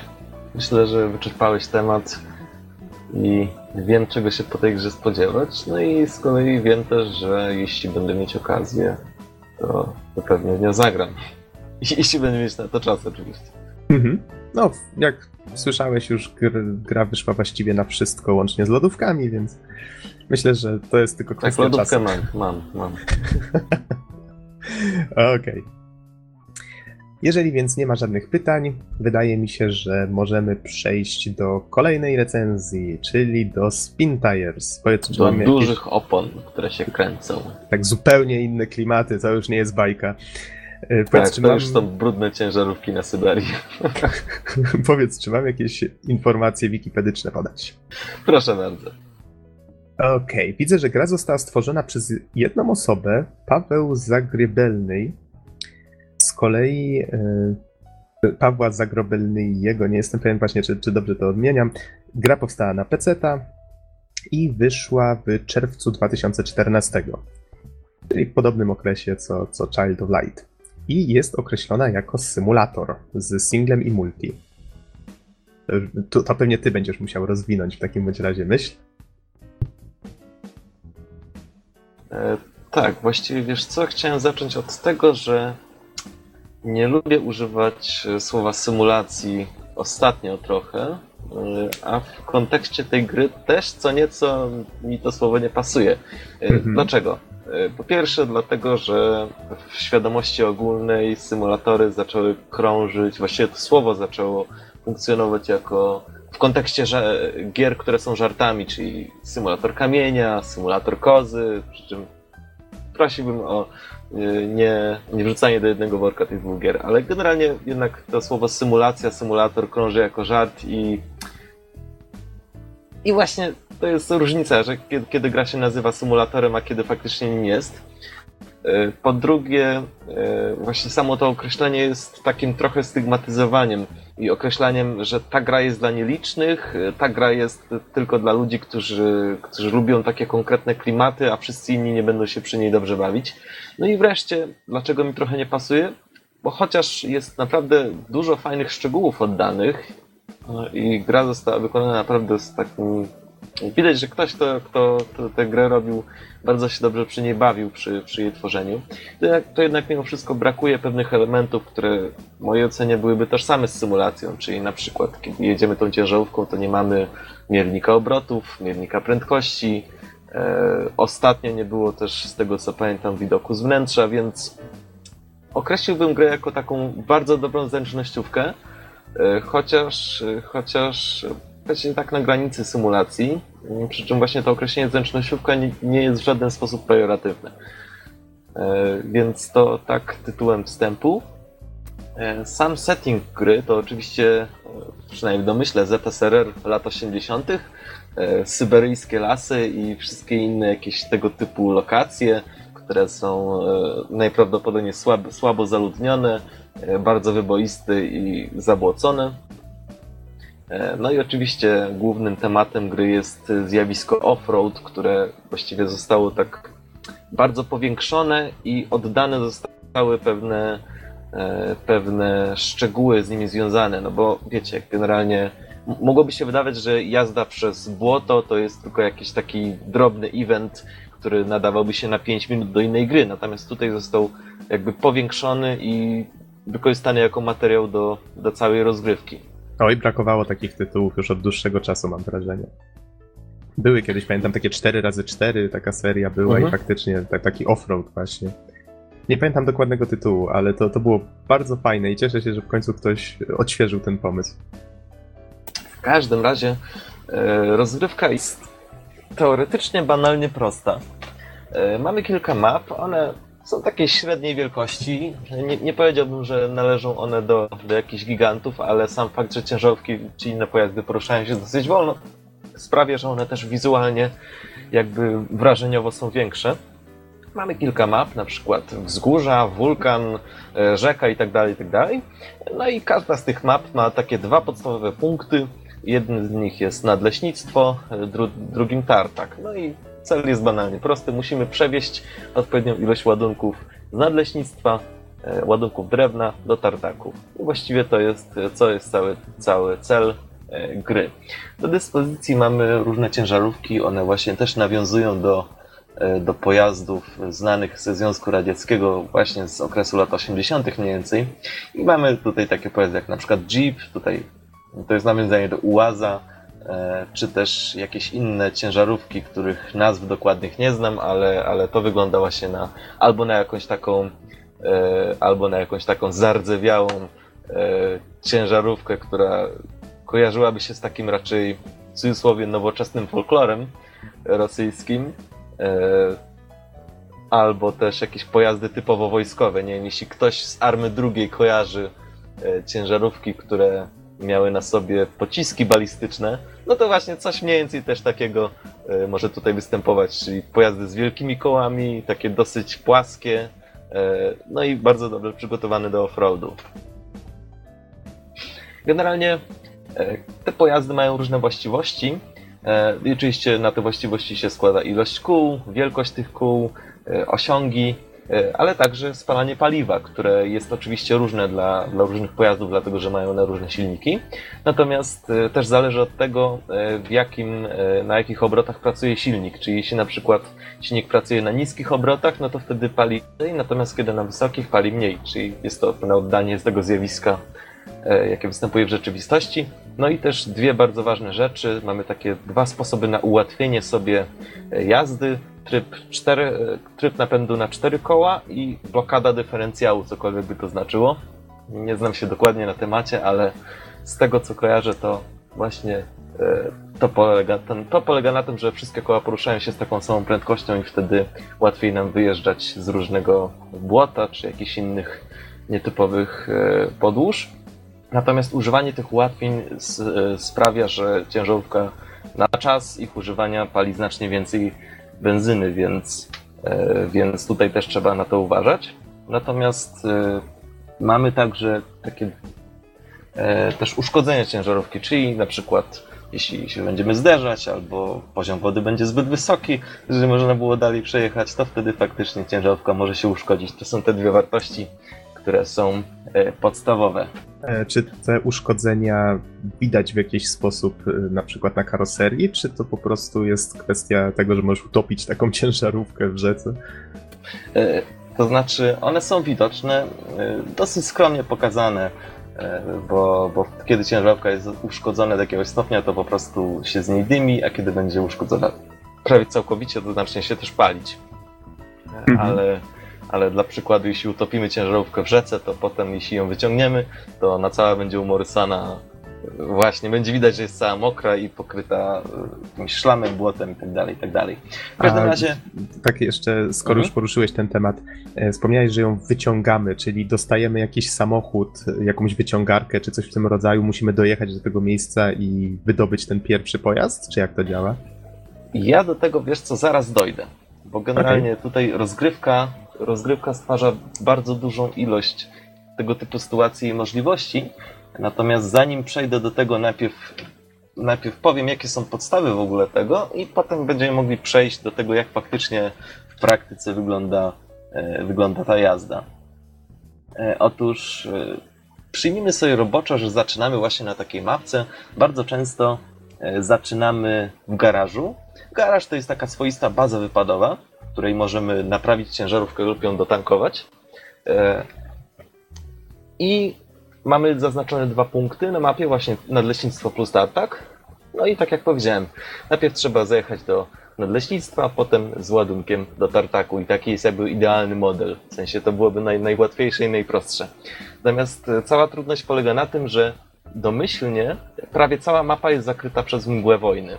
No, mgłę wojny. No może wojny żadnej nie ma, ale mgła jest i mapy e, całkowicie nie widzimy. Możemy ją odkrywać na dwa sposoby, czyli po prostu jadąc w ten zakryty teren i wtedy, tak jak w każdej grze strategicznej, jednostka, która wiedzie w mgłę wojny ją troszeczkę odkrywa, lub też znaleźć e, taki punkt, który jest źródłem zakrycia i w momencie, kiedy znajdziemy go na mapie i wjedziemy po prostu w niego, to wtedy ten fragment, który on zakrywa, zostaje nagle odsłonięty. Czy Więc to jest wtedy- jakoś popularnie uzasadnione, czy ten punkt jest po prostu takim mm, jakimś checkpointem? Nie, nie, nie jest to w żaden sposób, e, nie jest to w żaden sposób uzasadnione, natomiast o, to się po prostu nazywa cloaking po angielsku, Mhm. w przykładzie polskim ukrywanie, więc więc, no tak to wygląda. E, No i właściwie cała, cała zabawa polega na tym, że musimy sobie zaplanować trasę e, i zarządzać tym pewnym ryzykiem, czyli najpierw odkryć drogę do, do tych punktów i potem ją zrealizować. Co jest bardzo fajne i rodzi dużo ciekawych sytuacji, sytuacji, dlatego że musimy oczywiście po drodze uważać na swoje zasoby, czyli na przykład paliwo, czy wspomniany już stopień zniszczenia pojazdu. E, No i jeszcze jedna ważna rzecz, o której jeszcze powiem. Otóż e, na mapie znajdują się nie tylko e, te punkty, ale także dodatkowe garaże, które możemy odkryć, e, dodatkowe pojazdy, które możemy odblokować i stacje benzynowe, w których możemy zatankować. I teraz cała rzecz polega na tym, że mm, kiedy na przykład odblokujemy sobie jakiś pojazd i mamy już dwa, no to możemy się do niego przesiąść. Możemy, możemy się swobodnie przesiadać między pojazdami, które posiadamy i ten po prostu, który opuszczamy, zostaje w tym samym miejscu, w którym go, e, w którym go opuściliśmy. E, I w ten sposób e, możemy odblokowanym pojazdem sobie gdzieś odjechać, a tamten zostawić. No i w trybie casual jest też fast travel do garaży, czyli jeśli na przykład ciężarówka nam gdzieś utknie, albo, albo nam zatonie, albo znajdzie się w jakiejkolwiek innej sytuacji, możemy fast travelować się do garażu z utratą e, ładunku, który posiadamy, co też jest takim pewnym ryzykiem, czyli cały czas czuć te, e, można powiedzieć, e, czuć te e, mm, potencjalną stratę i potencjalne zwycięstwo, jakie możemy Mhm. uzyskać. No i dobra. I skoro już to mamy, to o czym tu jeszcze wspomnę? Ja tak patrzę na screeny, które podesłałeś mi ze swojej rozgrywki. Muszę przyznać, że gra wygląda naprawdę ślicznie. Zwłaszcza przy takich sytuacjach, gdzie słońce się przebija przez jakieś drzewa, e, czy widzę, że nawet można mm, jechać nocą i trzeba sobie oświetlać drogę. Wygląda to bardzo klimatycznie. Widzę, że można holować na przykład inne pojazdy. Y, Zastanawia mnie natomiast mapa, bo tutaj widzę, że jest ich więcej niż jedna. Dużo jest takich, takich dużych obszarów właśnie. mm, Domyślam się, że to są mapy, tak? Że to jest jedna mapa, na której Tak. masz kilka zadań różnych. Yy, Właściwie, tak jak powiedziałem, na jednej mapie mamy po prostu to nadleśnictwo, do którego, tartak, do którego musimy dowieść towary i to jest właściwie wszystko. To jest zadanie. Kiedy je wykonamy, to mapa jest ukończona, natomiast takich map na chwilę obecną jest sześć, ale będzie ich więcej. To jest, to jest coś pewnego, dlatego że twórcy cały czas grę yy, pokątnie zmieniają i wrzucają Mhm. update'y. Ale zastanawia mnie jedno, no bo ta mapa jest olbrzymia i czy w obrębie tej jednej mapy do tego tartaku na przykład nie mamy różnych e, dostaw z różnych miejsc? Nie, mamy tylko ten jeden punkt. Aha, to, to Czasem wydaje zdarzy się... się, że mamy, mamy dwa tartaki i jedno nadleśnictwo. Wtedy, Mhm. wtedy możemy, wtedy mamy jakby dwa razy więcej roboty. Natomiast y, też właśnie nie byłem, żebyś u tej iluzji, to jest, to jest jednak mimo wszystko pewna iluzja, dlatego że mm, te mapy są tak wielkie, na jakie wyglądają. Y, Przez nie można przejechać stosunkowo szybko, natomiast sam fakt, że ciężarówki poruszają się powoli, y, potęguje to wrażenie, że one są takie wielkie. One są takiej rozsądnej wielkości. Znaczy, jak się wie, można naprawdę szybko dojechać w ciągu paru minut yy, niemalże na drugi koniec. Natomiast kiedy się po nich błądzi, no to, to faktycznie yy, trochę czasu może zjechać. Natomiast jeszcze chciałbym, chciałbym wspomnieć, zanim dojdę do jeszcze innych rzeczy związanych z rozgrywką, E, Chciałbym wspomnieć o tym, jak funkcjonują garaże i co w ogóle, jak możemy wyposażyć naszą ciężarówkę w tę podróż. E, Dlatego, że my zawsze zaczyna, zaczynamy w garażu z pewnym wyjątkiem e, i mamy pewne pojazdy na początku, które są możliwe do pokierowania, możemy sobie wybrać. E, I możemy właśnie, tak jak powiedziałem, je odpowiednio wyposażyć. Na przykład do przewożenia drewna. I tutaj mamy różne rodzaje setupów, dzięki którym możemy brać krótkie kłody, średnie kłody i długie kłody. Czyli to jest najpierw taka zwyczajna paka, do tego krótka przyczepka, albo po prostu ciężarówka, która jest przystosowana tylko do długich kłód. I w zależności od tego, jaki ładunek weźmiemy, krótkie, średnie czy długie, to wtedy one są warte 2, 4 lub 6 punktów. I to jest ważne, dlatego że e, Objective musi mieć wypełnionych 8 punktów, żebyśmy ukończyli, więc w zależności od tego, jak sobie to rozplanujemy, będziemy mogli na przykład wziąć raz długie kłady, potem krótkie, no i tyle. E, natomiast ostatecznie wiążąc długie kłody z wielgachną naczepą, jednak cały czas czujemy to większe ryzyko, że ciężarówka się przewróci, E, a naczepa po prostu cały towar wypadnie. Poza tym mamy też takie dodatkowe attachmenty, e, które umożliwiają nam na przykład odblokowanie kolejnych garaży, bo znaleźć drugi garaż na mapie, który jest bardzo przydatny, bo umożliwia naprawy i dotankowanie ciężarówki, to nie, nie wystarczy tylko go znaleźć. Trzeba mieć też cztery punkty garażu, żeby go odblokować i móc go używać.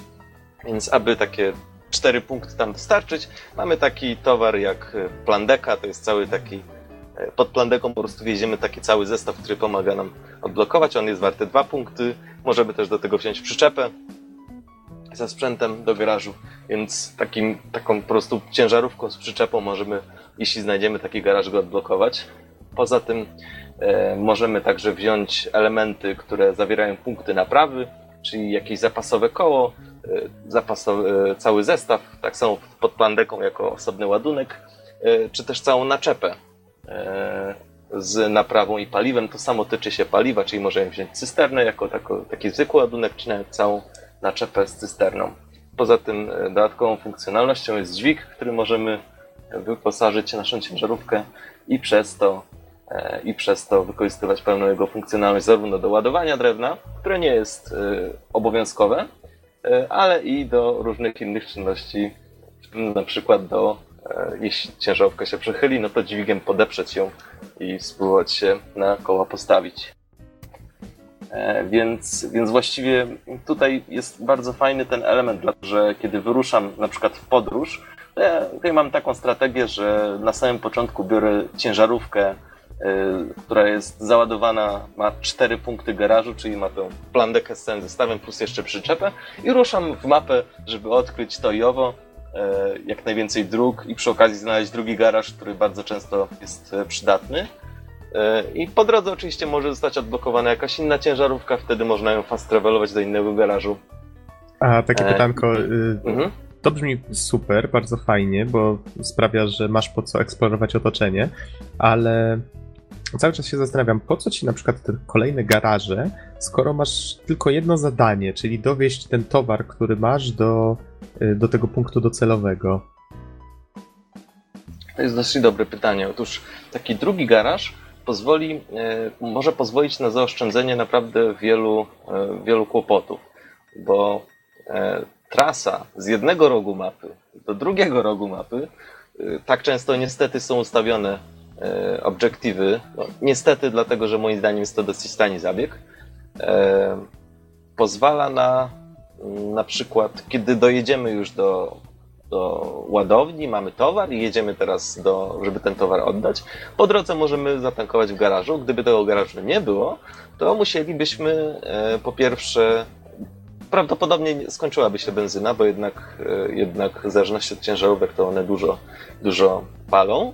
E, musielibyśmy znaleźć tą ciężarówkę inną ciężarówką i po prostu ją dotankować. Czyli wziąć osobną cysternę, dojechać w miejsce, w którym tamta się zatrzymała, ją dotankować. Natomiast jeśli mamy taki garaż, on najczęściej jest po drodze, gdzieś w połowie między obiektywem a, a tartakiem i, i po prostu jest to, jest to znacznie łatwiejsze. Poza tym w momencie, kiedy ciężarówka nam się wywróci, lub trzeba będzie ratować jakoś w inny sposób, to zawsze jest to też jakiś taki punkt do fast travelu, czyli nie musimy zaczynać koniecznie w tym jednym miejscu, które jest z dala od wszystkiego, ale też możemy po prostu ciężarówką zacząć w innym miejscu i w ten sposób mieć bliżej do celu, czy też do jakiejś innej ciężarówki, którą mamy uratować.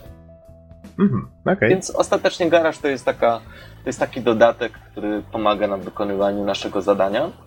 E, e, Generalnie jeśli chodzi o fizykę, bo w sumie to jest takim chyba jednym z najlepszych elementów, to mamy tutaj przede wszystkim bardzo duży stopień interakcji z otoczeniem, e, czyli na przykład e, mamy odkształcanie się podłoża, które jest trwałe.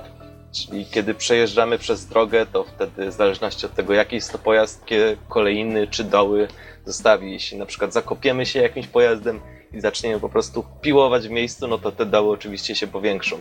Co jest dobre, że wszystkie tego typu ślady, jakie zostawiamy na asfalcie, bo drogi asfaltowe też oczywiście są, chociaż są, należą do rzadkości i przeważnie nie prowadzą, nie prowadzą dokładnie tam, gdzie chcemy dojechać, y, to ostatecznie wszystkie te ślady, jakieś takie odkształcenia terenu, one zostają. I to jest bardzo też ciekawe, kiedy, kiedy mniejszym pojazdem przejeżdżamy drogą, która została urobiona przez większy pojazd, czyli mamy takie gigantyczne kolejny, przez które też z kolei trzeba się przedzierać.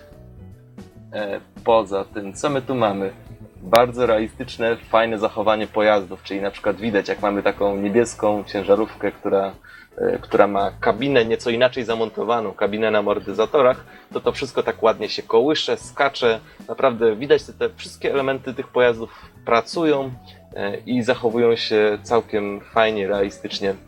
Jest, daje to naprawdę dużo frajdy, żeby nawet samo obserwowanie to, tego, jak, jak ta ciężarówka się przechyla, wychyla, jak pracuje na tym, na tym podłożu.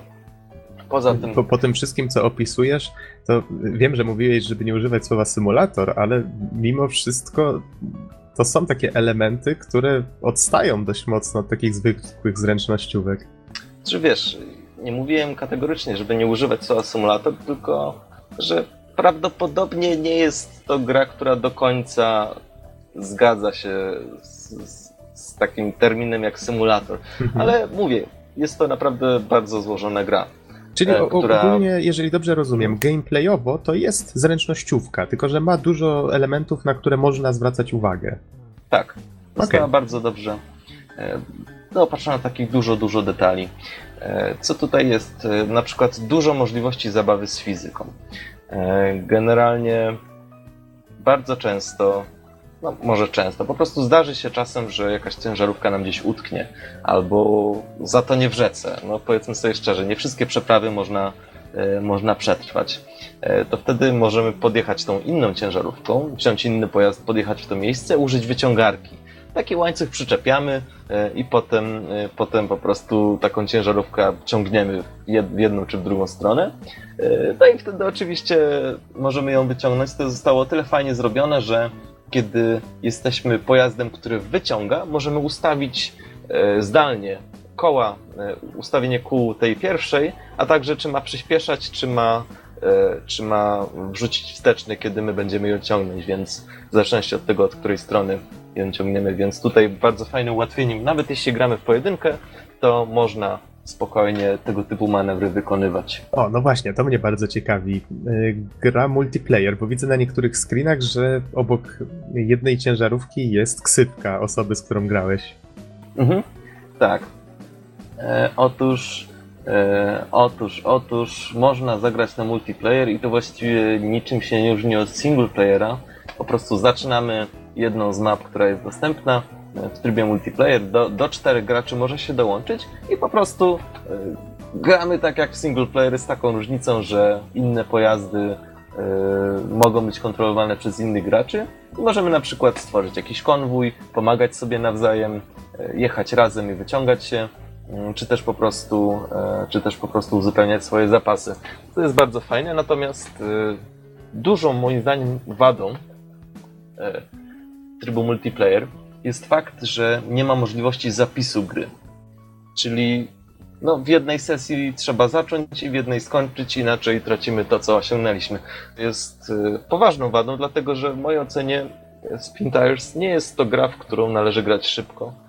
Nie jest to gra, która dodaje się do jakiegoś, e, do jakiegoś raszowania, tylko jest to gra, która ma swoje takie tempo dosyć specyficzne, e, doprowadza do różnych sytuacji i no, szczerze powiedziawszy, w jednym posiedzeniu taką mapę ukończyć to może byłoby trochę za dużo, zwłaszcza, że takie posiedzenie mogłoby trwać nawet 2,5 godziny, 3 godziny. No a powiedzmy sobie szczerze, jednak mimo wszystko wydaje mi się, że Spin Tires jest to gra, w której, e, w której można sobie dawkować gameplay, powiedzmy w sesjach po półtorej godziny, po dwie max. Wtedy to, wtedy to działa dobrze. Mhm.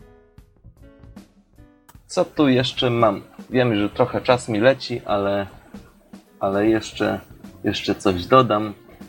E, generalnie jeszcze mm, mam parę kart, konkretnie e, tak jak powiedziałem, e, interakcja z otoczeniem jest bardzo, bardzo istotna i dosyć dobrze zrobiona. Na przykład, nie wiem, takie detale jak trawa, którą można zgnieść, występuje. Tak samo zachowują się drzewa i drzewka, które można czasem obalić, które się wyginają.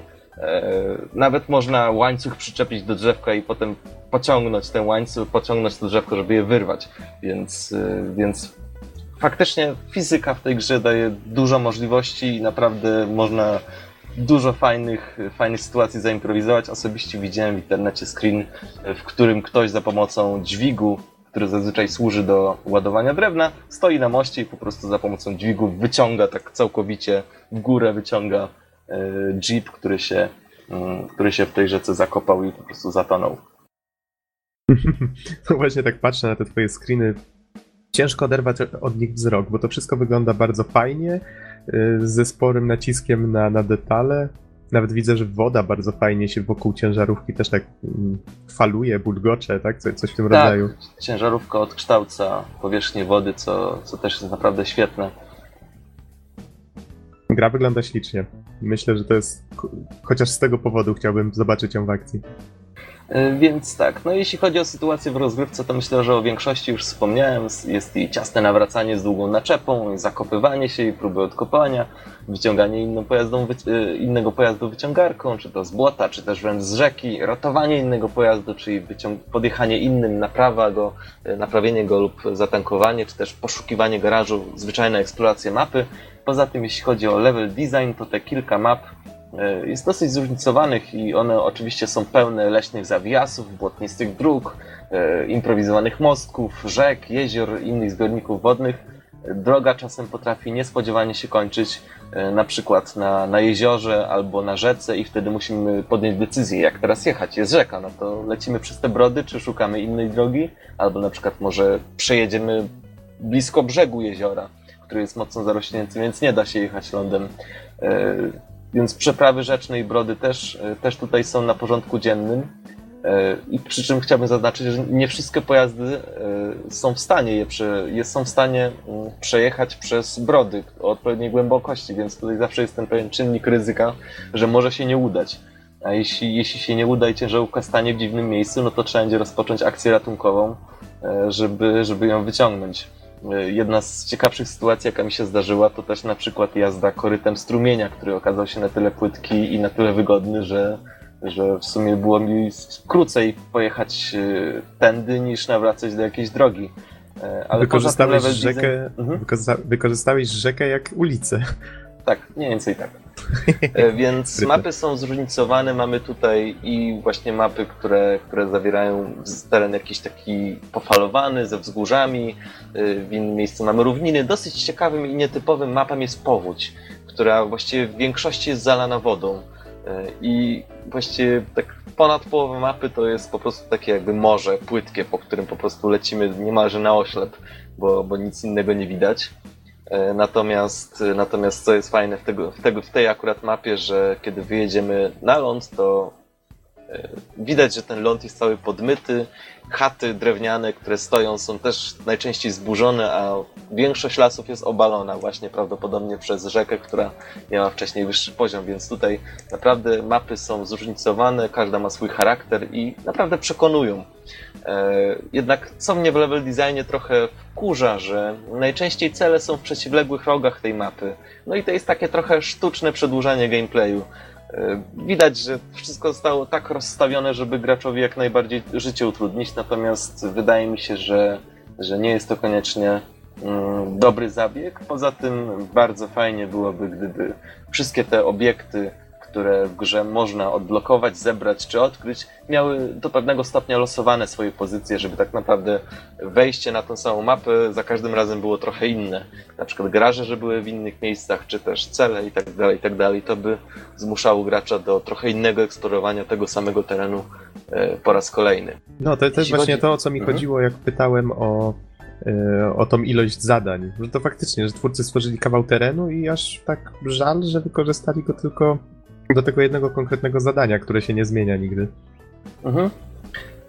E, jeśli chodzi o grafikę, to oczywiście jest piękna i szczegółowa. Świetnie oddane są gęste puszcze, równiny, podmyte tereny. Te mapy mają charakter, tak jak wspomniałem. Pora dnia się zmienia, więc e, kiedy nastaje noc, warto jest zaświecić reflektory aczkolwiek e, kiedy mamy je zgaszone, to wtedy wszystko jest tak, takie troszeczkę niebieskawe. I, ale jednak mimo wszystko dosyć, dosyć dobrze widoczne, więc reflektory nie są tutaj koniecznie potrzebne. E, zmieniające się pory dnia też są o tyle fajne, że na przykład rano, w południe czy o zachodzie słońca też całkowicie zmienia się kolorystyka, co być może zauważyłeś na screenach, które ci podesłałem. E, wieczorem wszystko się tak zaróżowia, zaczerwienia, natomiast mhm. w dzień mamy takie zwykłe białe światło. To też jest bardzo fajne i buduje klimat e, naszej wyprawy. Jeśli chodzi o udźwiękowienie, muzyki oczywiście żadnej nie ma, natomiast, natomiast fajnie zostały oddane jakieś elementy otoczenia, na przykład ptaki, które uciekają, kiedy zatrąbimy, e, zatrąbimy w pobliżu jakichś drzew czy krzaków. Fajny pomysł. No to są takie fajne detale, które zostały dodane. E, kończąc już powoli, e, właściwie chciałem powiedzieć, że model rozgrywki tej gry jest bardzo fajny. E, doprowadza do takich wielu momentów, w których po prostu musimy się zastanowić, co robić dalej, albo jakichś takich ciekawych interakcji między poszczególnymi pojazdami, albo pojazdami i otoczeniem, ale wydaje mi się, że jego podstawowym minusem jest to, że żeby móc odkryć tę grę, żeby móc się w nią wgryźć, to trzeba przy niej spędzić co najmniej parę godzin. I to wydaje mi się minusem, dlatego że, dlatego że w zależności od tego, jak grający grał, może na pewne rzeczy wpaść i odkryć, a na inne nie. Więc, no nie wiem, ja osobiście bardzo cieszyłbym się, gdyby twórcy dodali do gry tryb misji. Powiedzmy, zrobili 20 misji, które odbywały się na jakimś terenie i były zróżnicowane i oczywiście krótsze. Taka misja mogłaby polegać na wyciągnięciu jakiejś zatopionej ciężarówki, przewiezieniu towaru, e, odnalezienie zaginionego konwoju i tak dalej, i tak dalej. Tutaj naprawdę możliwości silnikowe, jakie stworzyli twórcy są naprawdę duże, duże i mam nadzieję, że będą one w przyszłości rozwijane. Natomiast a propos tego rozwoju i tutaj już kończąc, e, generalnie gra ciągle podlega rozwojowi. Co 2-3 tygodnie pojawia się update, e, który zmienia, e, zmienia pewne elementy gry, tutaj zarówno pewne elementy designu, jak i funkcjonalności. Właściwie to dopiero parę dni temu pojawiła się możliwość zatrąbienia, czy, czy też wcześniej trochę inaczej wyglądało odkrywanie mapy, więc tutaj cały czas, e, cały czas powstają pewne zmiany, także w fizyk, fizyce czy, czy modelowaniu poszczególnych map.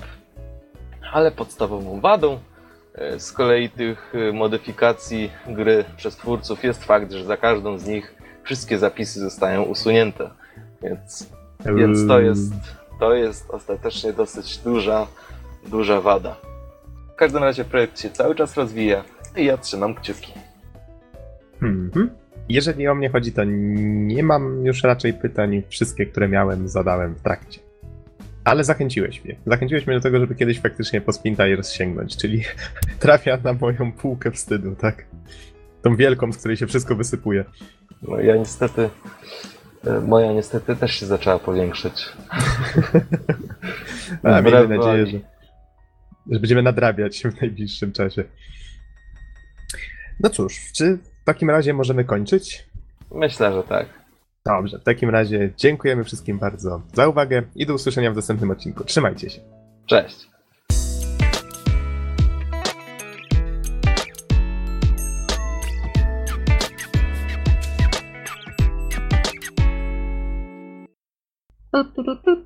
Mm-hmm.